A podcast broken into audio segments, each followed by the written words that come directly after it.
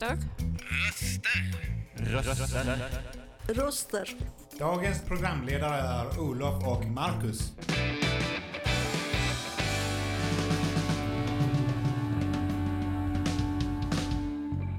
Dina röster i vardagen.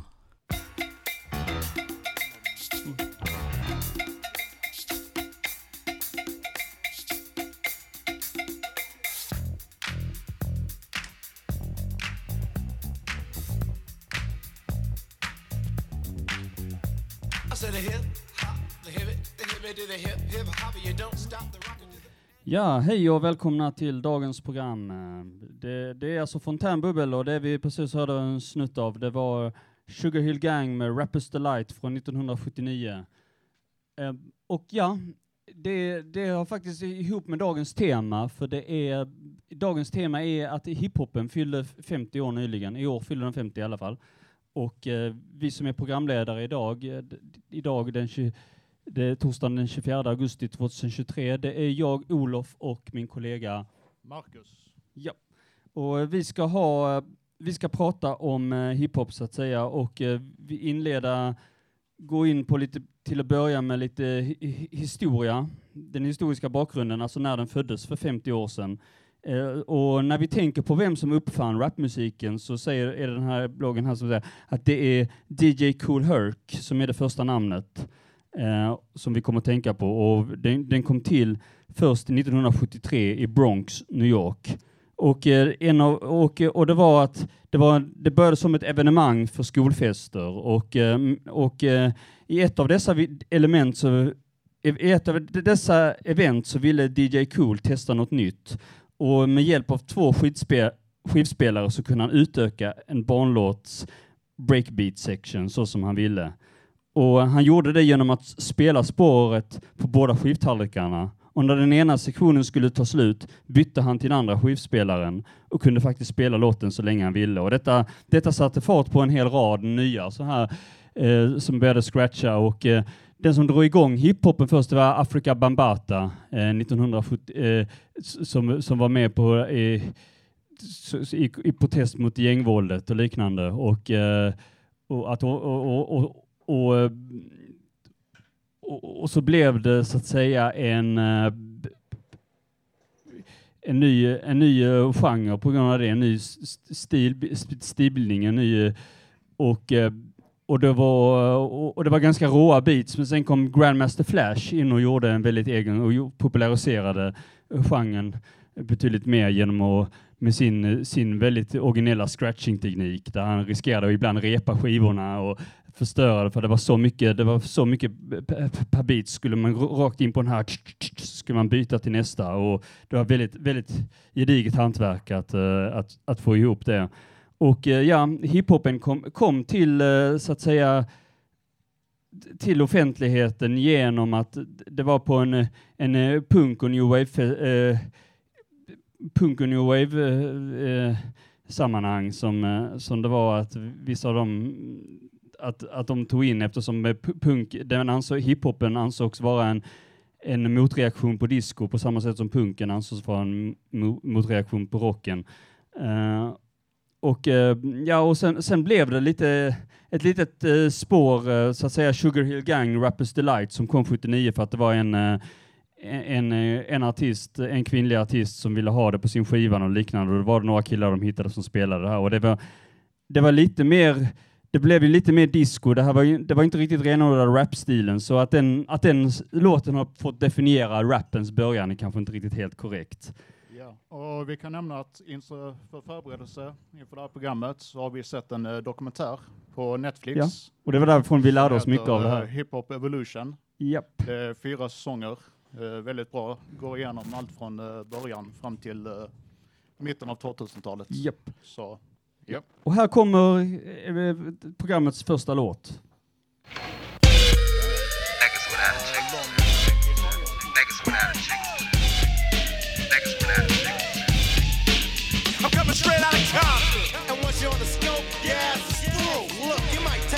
Trip, but a nigga like Ren is on the gangster tip straight out of Compton. Compton. Compton.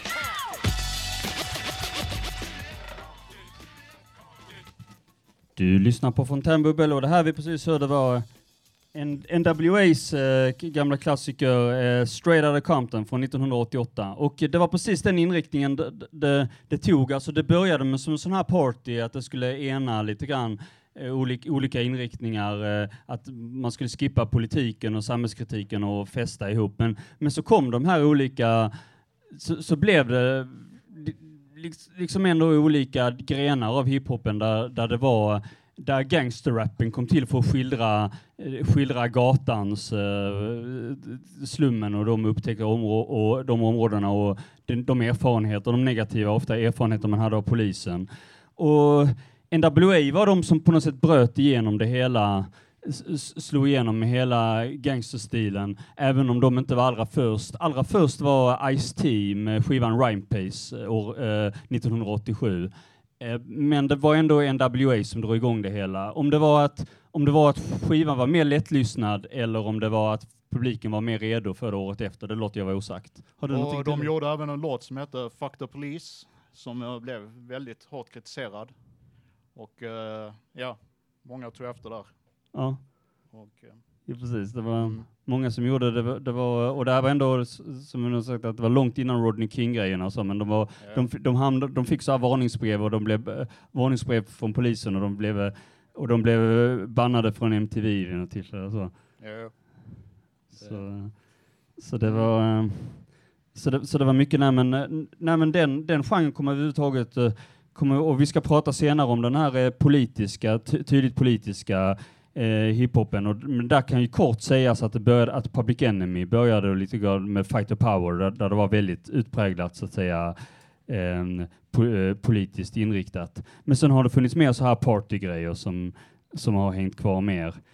Ehm, nu tänkte vi lite grann att vi, vi går till en liten, en liten tillbakablick när det gäller själva, Mm, själva, själva rappande genom historien. Så har det egentligen hållit på under en ganska lång period, men det kodifierades så att säga mer på 70-talet att det blev kombination, det, blev, det klassades som rap då. Um, och, eh, men vi, vi tänkte vi, vi spelar en liten snutt av det här till exempel, en gammal låt från typ tidigt 1900-tal eller något sånt, eh, som är, och som vi, och där vi kan undra, eh, liksom, är det här, kan man klassa det här som rap eller inte?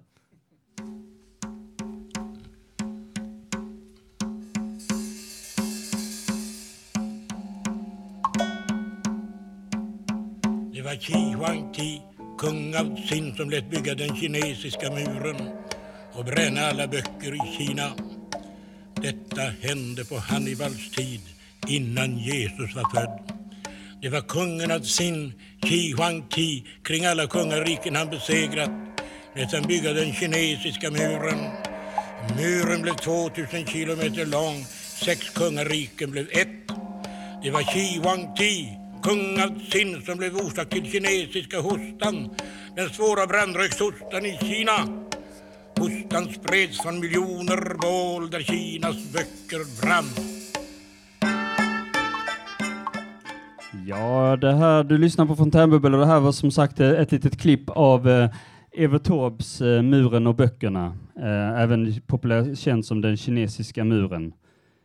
Eh, och eh, nu, eh, ja, eh, när det gäller just eh, i hiphop och, och, så, och, så, och rap så kan man ju säga att det är en del, eh, rap är ju en del av en kultur så att säga, eh, av eh, alltså in, inom den större, större sammanhang, eh, s- samlade begreppet hiphop.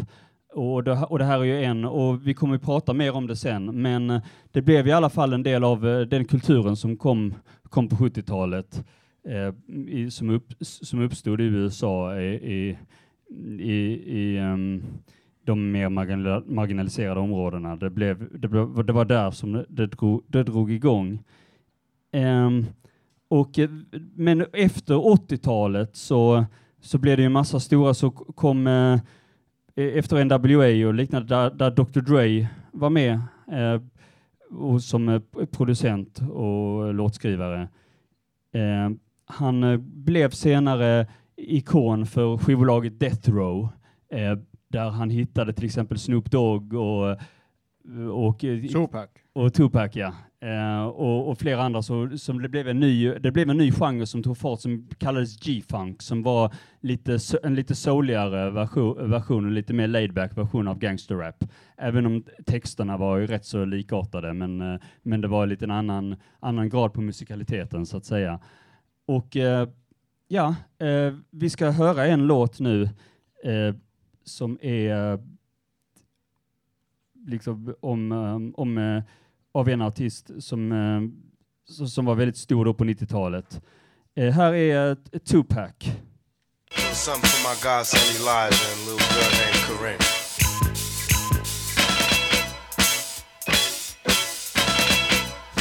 While the rich kids are driving bins. I'm still trying to hold on to surviving friends. And it's crazy, it seems they'll never let up. But, huh, please, you got to keep your head up. Ja, det var alltså Tupac med Keep Your Head Up. Och eh, jag ska nu försöka sammanfatta hans liv eh, lite kort. Och eh, Tupac döptes efter en inkakung som eh, slogs med spanjorerna. Och eh, Shakur, som han hette i efternamn, betyder tacksam till Gud på arabiska. Och eh, han var son till eh, Svart Panter. Hans mamma var medlem där rätt länge och hans, eh, även hans styvfarsa var med. Så hans eh, uppväxt präglades mycket av eh, möten, politiska möten och rebeller. och det var mycket rasism, eh, fattigdom och ja.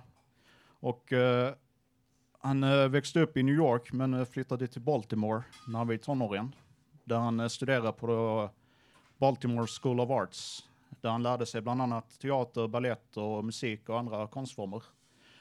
Men eh, sen flyttade han till eh, Kalifornien Hans mamma hade mycket problem med knark och så. Så de var tvungna att flytta dit. Och eh, det var där problemen började från rejält. Och eh, ja, han eh, levde bara 25 år men han hann med väldigt mycket. Han släppte fem skivor.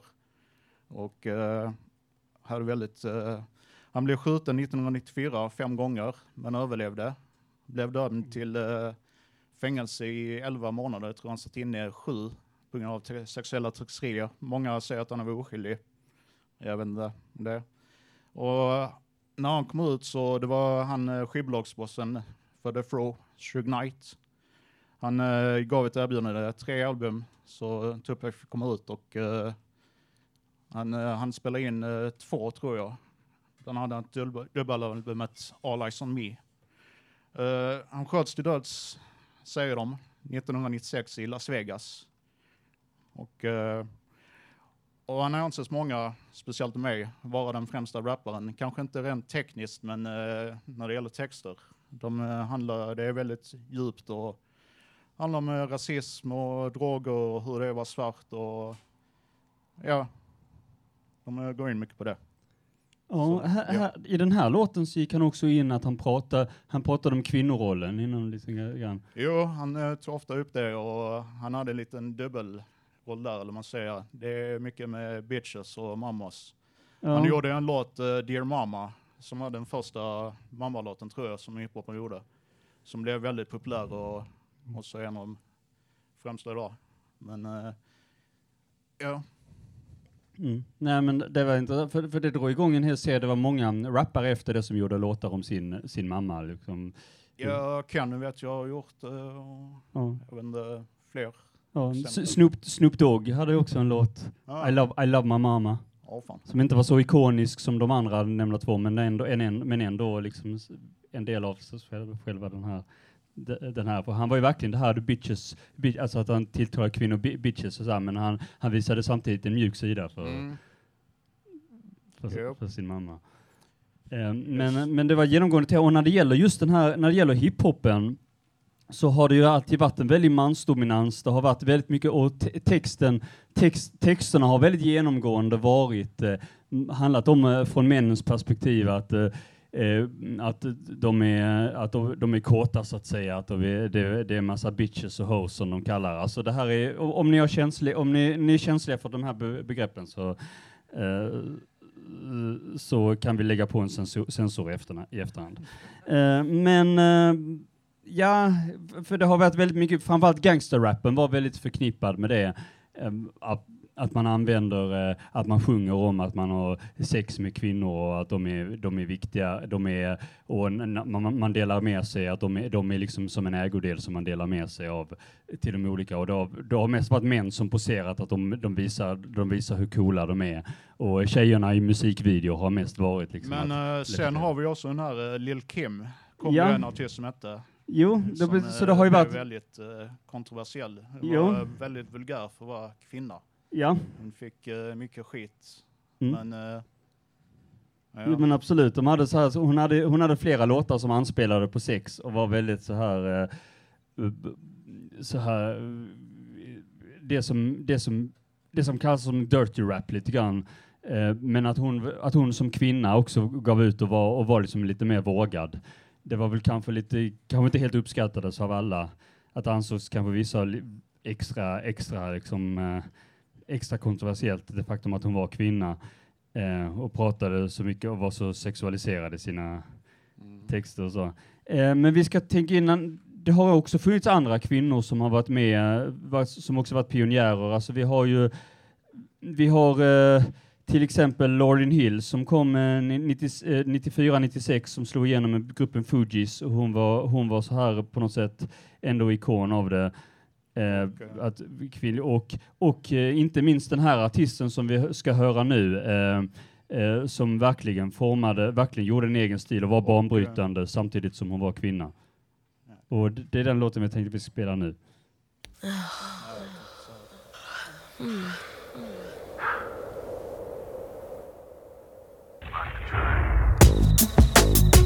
Me, I'm super fly. Super It's my window. I can't stand her.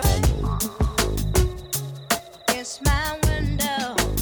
I can't stand her.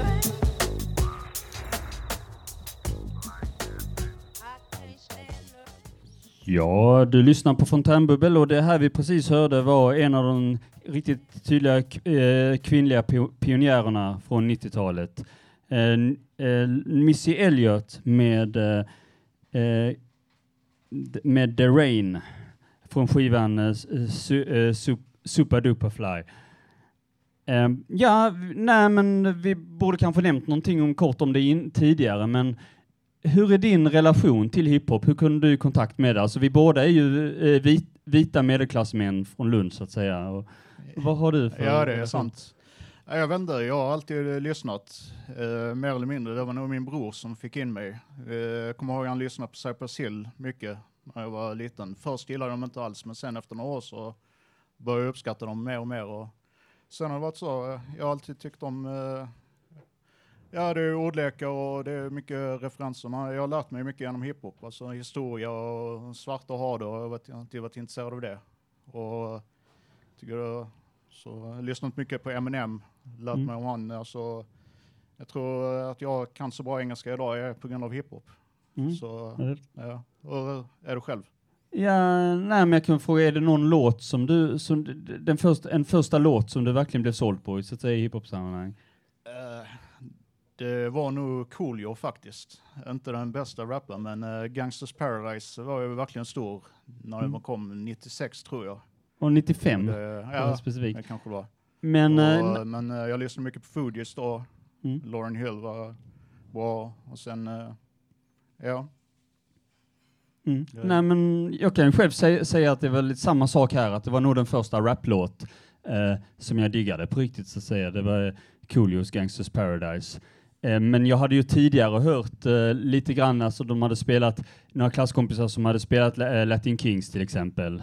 Eh, Snubben trodde det, han var cool, för han hade en pistol med em- Emil-samplingarna. Det var det som gjorde att man kom ihåg den. Och, och, och att jag hade hört även skiva, flera låtar med dem som jag hade hört efter det, liksom under, som en kompis till mig spelade. Men eh, sen, eh, sen blev det, det var nog den första liksom, internationella raplåten som jag, som, jag, som jag hörde och som jag tog till mig, var nog Gangsters Paradise. Och sen hörde man ju fler, typ eh, andra, typ eh, Loonies, I got five on it och flera andra och sen eh, Snoop Dogg eh, och, och, och Tu- Tupac, Dr Dre och ja, Fuji som du sa också, de var jättestora. Har du någon uh, favorit då?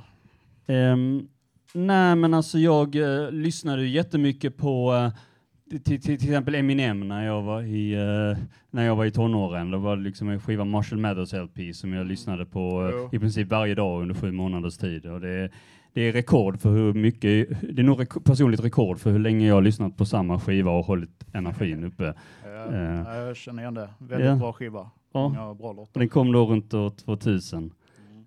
Ehm, ja, eh, sen har vi lite annat när vi ska gå, om vi ska, om vi ska prata vad man rappar om, så här olika te temat för oss olika så, så finns det ju även, ska vi även eh, finns även, det finns också rappare från andra länder än USA och Sverige och så finns det också brittisk, eh, brittiska rappare och här är en ganska ny sån här så att säga en modern TikToker-rappare som det var någon som kallade det idag eh, som rappar om psykisk ohälsa som heter eh, Ren och vi tänkte spela en låt med honom nu. Uh.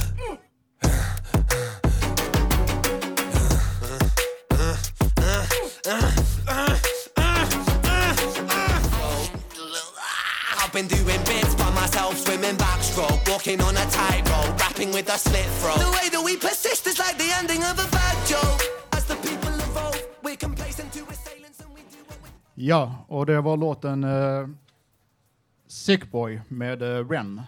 Och uh, den handlar ju om uh, psykisk ohälsa. Och inom hiphop så brukar det vara tabu att prata om. Det anses ju inte vara, tyvärr, vara särskilt manligt. Och, men eh, det finns många rappare som ändå går ut och pratar om det. Eh, på, jag kan en som är väldigt bra, Pharaoh Munch, som har väldigt eh, invecklade rhymes och han är känd för att vara en uh, wordsmiths. Ungefär som eh, en annan stor hiphopare, Rakim, som också är grym. Men eh, ja, nu ska vi ta upp en gäst på scen. Här kommer farbror Vattenmelon. Först ett klipp om hiphopens historia före 70-talet. Av Akala, en brittisk rappare. 150 years before Galileo, check it. A medieval Benin's in the Guinness Book of Records, and all of them cultures there. They had the griot speaker, a storyteller, musician, poet, and history keeper. Ja, det, det här var ju en, ett litet mellanspel, vers med Akala och det är farbror Vattenmelon som ska nu pres presentera lite mer av eh, Ja. vad han själv har skrivit. Tack. Ja, det var um, låten eh, Knowledge is power och eh, den handlar om att eh, rappen har rötter ska gå tillbaks eh, till slaveriet och ända tillbaks i Västafrika. Eh, och det var um, en slags musiker som heter griots och de eh, brukade uppträda och de kunde memorera många tusentals rader. Eh, men nu ska jag ta lite mer om min uppväxt och relation och syn på hiphop. Eh, det var en solig dag på mitten av 90-talet och sommarlovet hade precis börjat efter årskurs två eller tre. Vi var kanske flera vänner som hängde på en mindre gata i Norra Lund i bostadsområdet där vi bodde och några av oss satt på en vägspärr som om det var en bänk. Min vän David hade på sig ett par pösiga svarta jeans där det stod Tupac på dess enorma bakficka.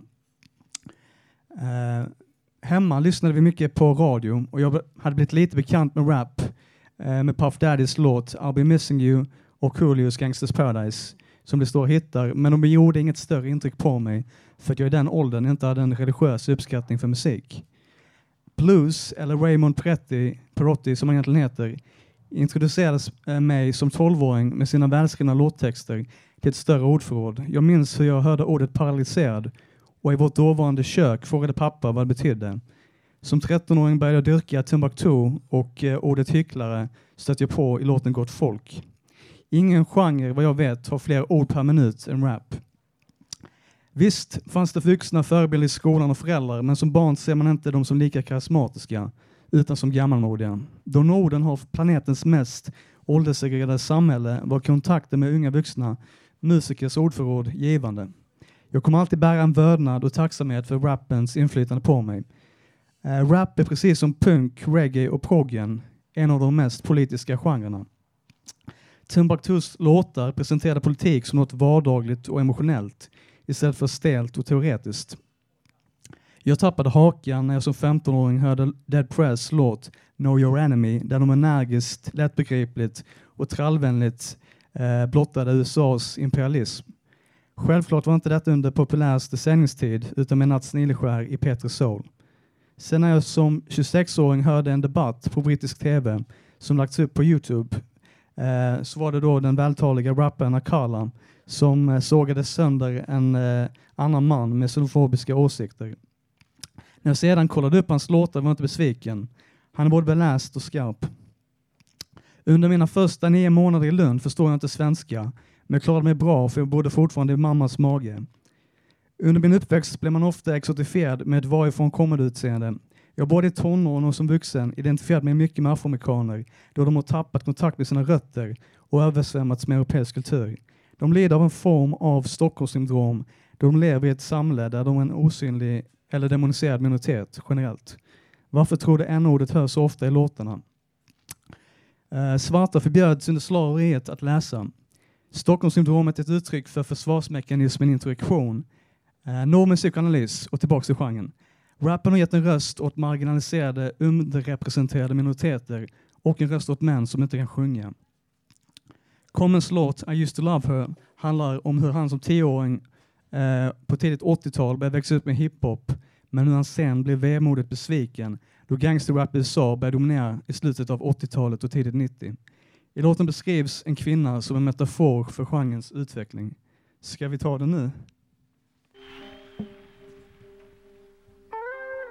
yes, yes, y'all, and you don't stop to the beat, y'all, and you don't stop. Yes, yes, y'all, and you don't stop. Uh, yes, yes, y'all, and you don't stop. One, two, y'all, and you don't stop. Yes, yes, y'all, and you don't stop. To the beat, calm, gotta be the short shot. Yes, yes, y'all, and you don't stop. Check it on, check it. Du lyssnar på Fontänbubbel och det här vi precis hörde var Common med I used to love her. Och Farbror Vattenmeloner, har du några ord du vill säga mer om den här låten i relation till det politiska och så? Nej, men att han nämner att eh, gangsterrappen upplever han ersatte det politiska. Sen i efterhand förstår man att eh, gangsterrap också är politisk för att den, den skildrar liksom slummen och sämre levnadsförhållanden även om de inte har någon liksom, ideologi eller teori bakom. Uh, sen annars, nästa låt, Conspiracy av Gangstar, den, han, den skildrar mycket eh, svartas eh, situation i USA. Allt från hur de eh, skildras i media på ett onyanserat sätt till eh, ja, motgångar och diskriminering. Ja. Eh, Jag tänkte, vi ska alldeles snart spela den. Vi ska bara för, vi tackar så mycket för på Vattenmelon. Eh, Men innan vi spelar nästa låt så ska vi ha, har vi ytterligare en gäst som ska, läs, som ska läsas i en liten steg. Vill, vill du presentera dig eller? Ska? Ja, visst. jag heter Mattias. Och du hade skrivit om hiphopens fyra element. Precis, jag berättar lite om det nu. Ja. Nu när hiphopen nyligen fyllt 50 år tyckte jag att det var läge att prata lite om hiphopens fyra grundläggande element. Rap, MCing, DJing, breakdance och graffiti. Har jag gjort fel eller? Rap eller MCing är kallat Master of Ceremonies är det mest igenkända elementet i hiphop. Det handlar om att framföra en berättelse, ett budskap eller en ståndpunkt genom rytmisk och rimmande dialog. Låttexter kan ta upp ämnen som social rättvisa, fattigdom och polisvåld. Rappare har i denna form uttryckt sig för att utforska från sociala rättvisor, orättvisor till personliga erfarenheter och har i processen blivit kulturella ikoner. Mästare på storytelling. DJing, discjockey, är konsten att mixa och manipulera ljud. Vanligtvis utfört med två skivspelare och en mixer. Genom att skapa nya musiklandskap och lägga till effekter som scratching och beatjuggling utgör DJ en kritisk del av hiphopkulturen. Breakdance, en dansform som innefattar akrobatiska och atletiska rörelser ofta utförd i en cypher eller cirkel av åskådare. Graffiti, visuell konst oftast utförd med sprayfärg på stora ytor som väggar eller tågvagnar som ett uttryck av kultur, protester eller kreativitet. Hiphop är en komplex och mångfacetterad kultur som uttrycker sig genom dessa fyra centrala element. Dessa fyra element är grunden i hiphopkulturen. Var och en av dessa element har sitt unika språk, sin egen historia och sitt eget inflytande. Men tillsammans bildar en kraftfull och dynamisk helhet som påverkat och formar samtida kultur globalt skede blev jag fullständigt uppslukad av dessa element när jag först introducerades hiphop under senare 90-talet. En gyllene era av hiphop som var överträffad period av kreativitet och innovation. En period präglad av experimentell musik, djupa texter och, och explosion av stilar och influenser som jag snabbt blev fullständigt förtrollad av i dess mångfald och variation. En stor guldgruva och det dröjde inte länge för jag som ung klädde mig i hiphopkläder och dansade extra mycket när hiphop spelades på diskorna i mellanstadiet. Favoritgruppen var Wu-Tang Clan. Det var något jag ville visa för omgivningen med en mössa på huvudet som lyste i form av Wu-Tang Clan-loggan. Jag ville sprida hiphop och blev extra nöjd under detta 1990-talet när vi såg explosion av svensk hiphop. Till exempel Petter och Ken Ring som valde att rappa på svenska och lyckas ändå med att nå en bred publik och samtidigt bana väg för en ny, en ny unik svensk hiphop-stil. Och satte genren på den svenska musikkartan. Sedan dess har jag alltid gillat hiphop med dess fyra centrala element. Tack så mycket Mattias. Eh, har du någonting att säga om, eh, om eh, innan vi drar på nästa låt så att säga? Varför var det just uh, Wu-Tang Clan? Vad fick dig att... Varför blev det just uh, Wu-Tang Clan? Jag tycker det var väldigt rå street liksom. Jävlar, de fångar en rå street. Protect your neck liksom. Ja. Reza som, som var mästaren bakom det där riktigt rå street Mm. liksom. Jo, de är ju Clan stort- fast jag och Protect your neck. Ja. Ja, de är ju stort- Wu-Tang Clan också i Köpenhamn, det var fett. Ja. De är ju ett stort eh, kollektiv. Eh, De består väl av vad är det, nio medlemmar. Ja. Method Man, RZA, Jizza, Ghostface Killer Raekwon. Ghostface Killer, Bland annat. Eh, har du någon favorit? Ja, Method Man tycker jag faktiskt. Ja, min har alltid varit uh, Raekwon. Mm. Han är Ja. riktigt grym. När Wu-Tang släppte sitt album 96 va? Eller något sånt. Eh, ja. Enter Thursday Chambers. Riktigt bra. Och just, vi kan ju nämna, det har ju blivit ett imperium. De har ju lanserat ett stort klädmärke, WooWear. Och de Ja, det har... kommer eh, gjort- ja, det är bland annat. Ja. Nej, Wu-Tang var favoriten helt enkelt. Ja, Tack så mycket. Ja, tack så mycket. Vi drar på nästa låt nu så återkommer vi snart.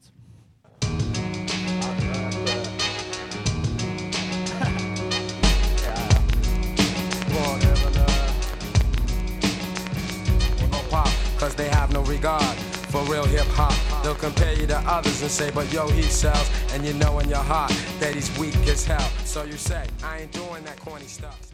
Du lyssnar på Fontänbubbel och det vi precis hörde var Gangstar med Conspiracy. Ja, vi har en gäst här. Eh, välkommen. eh. Ja, jag heter Roger.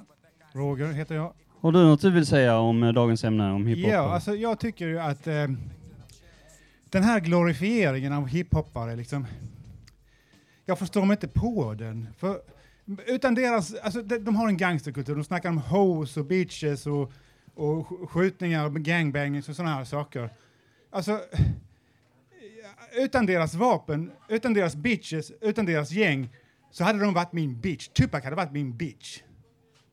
Okej. Och eh, vad menar du med det exakt? Exakt vad jag det- säger. ja. För det, även om han anses vara en gangsterrapper så var han mycket mer och... Eh, vad var han mer då för ja. någonting? Alltså om man lyssnar på hans texter, han skrev ju om eh, kvinnors rättigheter och eh, sin mamma och hur det är och alltså de skiljer ett... Det är ju Ja, svårt. Ja, men, ta, eh, det, det finns ju andra rappare, så jag, jag bara tog ett exempel. Jag kan Ja. ju inte de här rapparna. Jag vet ju inte exakt vad de sjunger. Jag har hört låtar och det är liksom uppblåsta typer. Alltså jag tycker inte om dem. Ja. Nej, men jag kan förstå det. Man eh, kan höra fel låtar och få en annan bild. Eh, jag vet, jag själv tycker inte om 50 Cent. Jag har inte förstått mig på han. Eh, Kan inte relatera till Han är en, bling av, bling en av dem jag har, har en kvinnor. skiva av. Han och, eh, Ja, ja. han och eh, vad heter det, den här vite, vad, vad heter han? Eminem. Eminem, ja. Ja. Okej. Ja, ja. ja det, Men okej, Ja. men jag ska, jag ska inte stå här och ta upp all er tid, så jag tackar för mig då. Ja, Men tack, tack så mycket. Roger. Eh, nej men alltså, det, det, vi, när vi väl kommer in på det, det är intressant att han tar upp den, den bilden av hiphop med, med, med gangsters som inte har mycket att komma med förutom bitches och hoes. Eh, Det, det finns ju som säger en bredare, vi har ju varit inne på den här politiska delen av hiphop som vi varit inne på med, med, med Gangstar och eh, Common och, eh, och, och de här ehm, Akala eller vad den hette. Eh, och så har vi också svensk hiphop, hur den har sett ut genom historien. Och där har det varit väldigt mycket kopplat till samhällskritik, så att säga, från eh, Latin Kings. Ja, och vår egen Timbuktu som kommer här från Lund, han fick ju rätt mycket skäll för att han eh, hängde ut eh, Jimmy Åkesson i en låt. Mm. Eh, vad var den hette? Svarta duvor och visst nej. Ja, Han någonting- rappade om att hänga Jimmy i en flaggstång och Ja. kommer inte ihåg exakt vad det var. Och dunka honom just det. gul och blå, ja. Ja. Ja, och vi, vi, ska köra nu, vi ska köra nu, för vi kan säga att i samband med det, det kan ju sägas inom parentes att i samband med det, den här, eh, den här politiska det, så hade vi också, så var det flera rappare som slog igenom, eh, till exempel Petter och Ken Ring och Blues, Raymond Perotti som man säger. Men, men vi, val, vi, vi, vi bestämde ändå att vi, låter Timbuktus, eh, eh, eh, en av hans låtar, eh, komma in och få representera det lite mer eh, samhällsrelevanta. Så vi, vi, vi kör nästa låt. Så.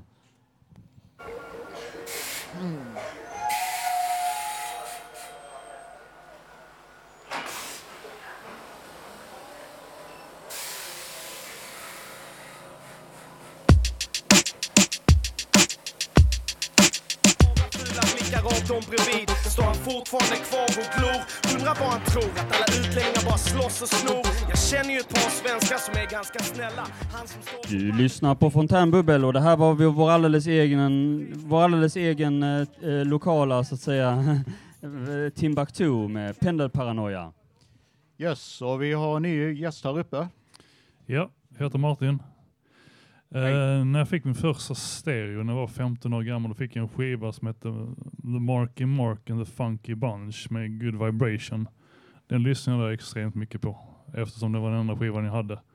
Och jag vet inte vad det var som jag tyckte var så bra med låten, men de kombinerar piano har jag för mig. Vilket tyckte jag lät väldigt bra. Good Vibrations. Ja, det var länge sedan. Det var ju han eh, skådisen Mark Wahlberg som eh, var väl det, om jag inte har helt fel. Som är huvudsångare. Ja. Som komponerade låtarna. Det, Ja, komponerar. Ja. det, ja, ja. Och senare har du lyssnat på hiphop efter det eller? Alltså det, det är inte min favoritgenre så, men uh, däremot så är en annan låt som jag tycker är väldigt bra, det är Arman van Helden, I want your soul. De utspelar sig i New York, alltså det, det är så rätt fräckt, de går omkring med så jättestora högtalare och så här, och så dansar de breakdance. Den videon tycker jag är bra. Och sen så um, Timbuktu, han har någon låt där han rappar så här um, CPU.nu och så massa förkortningar och sånt och den tycker jag också är bra. Just det, MVH. Ja, MVH. Eh, Han eh, nämner Lunds BK bland annat. Ja. Vår fotbollsklubb. Eh, ja. Eh, Jag kan även tipsa om en rolig låt som heter Serieskandalen som finns med på hans skiva. Han rappar om de olika seriefigurerna. Eh, Ja, den är väldigt lustig. Ja. Har du något mer Nej. Tack så mycket. Tackar Martin. Och ja, vi kan säga lite grann om svensk eh, hiphop också, så finns det ju, även här finns det ju en genusaspekt att eh, det, var inte, det har inte varit jättemånga, det var visserligen Leila K som var en av de första som ändå uppträdde runt 1990 och ha- hade en del hits. Sen drog hon sig undan. Så, sen hade, spelade många, skymde många kvinnor en ganska undanskymd roll. Eh, men eh, det blev eh, det blev ändå att eh, eh Petter då som en av de stora som drog igång det i hiphopen eh, på eh, Östermalm och, och, och gjorde hiphopen mer känd så att säga bland breda allmänheten. Han promotade också Feven som, blev en, som var en svensk kvinnlig artist som, som hade en, några väldigt stora hits och hade en väldigt kort tid i rampljuset. Sen blev det inte så mycket med henne ändå, men annars så har vi Tyvärr har vi inte så mycket kvinnliga ändå historiskt, men vi, men vi hade ändå några. Vi hade Melinda Vrede och så hade vi Dita och, eh, och, och, och några andra. Eh, och, men nu på sistone så har vi eh, så har vi Silvana Imam som vi alldeles, först, alldeles snart ska höra en låt av, som är en av de allra senaste svenska rapartisterna, eller hiphop. Ehm, men vi kan ju, men innan det så kan vi ju nämna lite kort, hur, hur ser du, var kan man sätta dagens i, i, i rap eller hiphop? Kan man ens kalla det rap? Kan man ens kalla det hiphop idag, det som är rap? Alltså, Ja, det är en väldigt svår fråga. Eh, jag kan säga att jag lyssnar inte på många nya artister. Många har sagt, eh, det finns ju Drake, Kendrick Lamar och sådana där. De är ju okej, men eh, jag tycker musiken, beatsen, det är inte samma som det var på 80-90-talet. Jag känner mig inte än, Mm. riktigt i de är, Inom hiphop så är det mycket independent som inte kommer fram. Så det finns ju säkert väldigt många bra artister Mm. som aldrig eh, blir spelade. Och sådana som eh, Immortal Teknik bland annat är Mm. väldigt stor när det gäller det. Vinnie Pass och ja. Eh, svensk hiphop kan jag inte uttala mig om. Jag lyssnade mest på slutet av 90-talet. Eh, Ken och Ayo och de där. Mm. Idag så, visst Einar kan jag förstå, det var ju tragiskt att han gick bort så tidigt. Men eh, han hade verkligen talang, eller har. Och, eh, men eh, ja, jag kan inte så mycket mer. Nej, det var den här Ja- Yasin och, och de och, Ja. och, och, de- och de, eh, vad, vad hette nu de, den här gangs, d- d- kartellen som, eh, som var svensk modern gangsterrap för några år sedan innan det blev riktigt gangster på riktigt. För då hade de ändå någonting de ville förmedla, något ändå budskap. Men, men, det blev, men sen efter det så har det blivit med Yasin och dem att det blivit mer och mer bara ortens, liksom att vi ska hävda oss. Men eh, nu tar vi eh, eh, eftermiddagens sista låt och så kör vi ett baklöp efter det. Simon says he wants to toppat lagen. Vem ska stoppa lagen? Så. One time, one time, yeah. Så vi hela vägen upp nu. Ja, det var Silvana Imam med Hela vägen upp. Du har lyssnat på Fontänbubbel nu en timme och eh, vad, hur tycker du, hur upplever du att programmet har varit? Har vi lyckats klargöra för, oin, även för oinvigda om rappen? Hela tiden, men jag tycker det är ett ämne som är roligt att prata om och det finns så mycket att diskutera om. Och för er som är intresserade så rekommenderar jag den här serien på Netflix, Hiphop Evolution. Ja. Och eh, ja, Ja. det var väl allt. Vi, ja, vi tackar he- så hemskt mycket de som har medverkat. Vi tackar farbror Vattenmelon och tackar Mattias och tackar Roger och Martin. Eh, hoppas vi inte har glömt någon. Och, och oss själva ska vi Ja. naturligtvis... eh, Tack, Olof. Eh, ja, Marcus Olof som har le- lett programmet. Och eh, Tina och Per som har skött tekniken och, eh, och hjälpt till eh, under, under eh, låtmellanspelen. Och nu kör vi sista låten som är en låt av Einar. Du och jag. Yeah. Vi ses nästa vecka. Ey, Shukachu mamacita Du är med mig hela vägen, fuck andra sidan. Vi och dom vi spelar i en annan liga. Du och jag, vi kan åka runt i snabba bilar. Ey, yo. Ey, jag lovar dig. All den här skiten kommer ordna sig. Jag svär på gud, jag kommer aldrig såra dig. Om det är något jag finns här, det är bara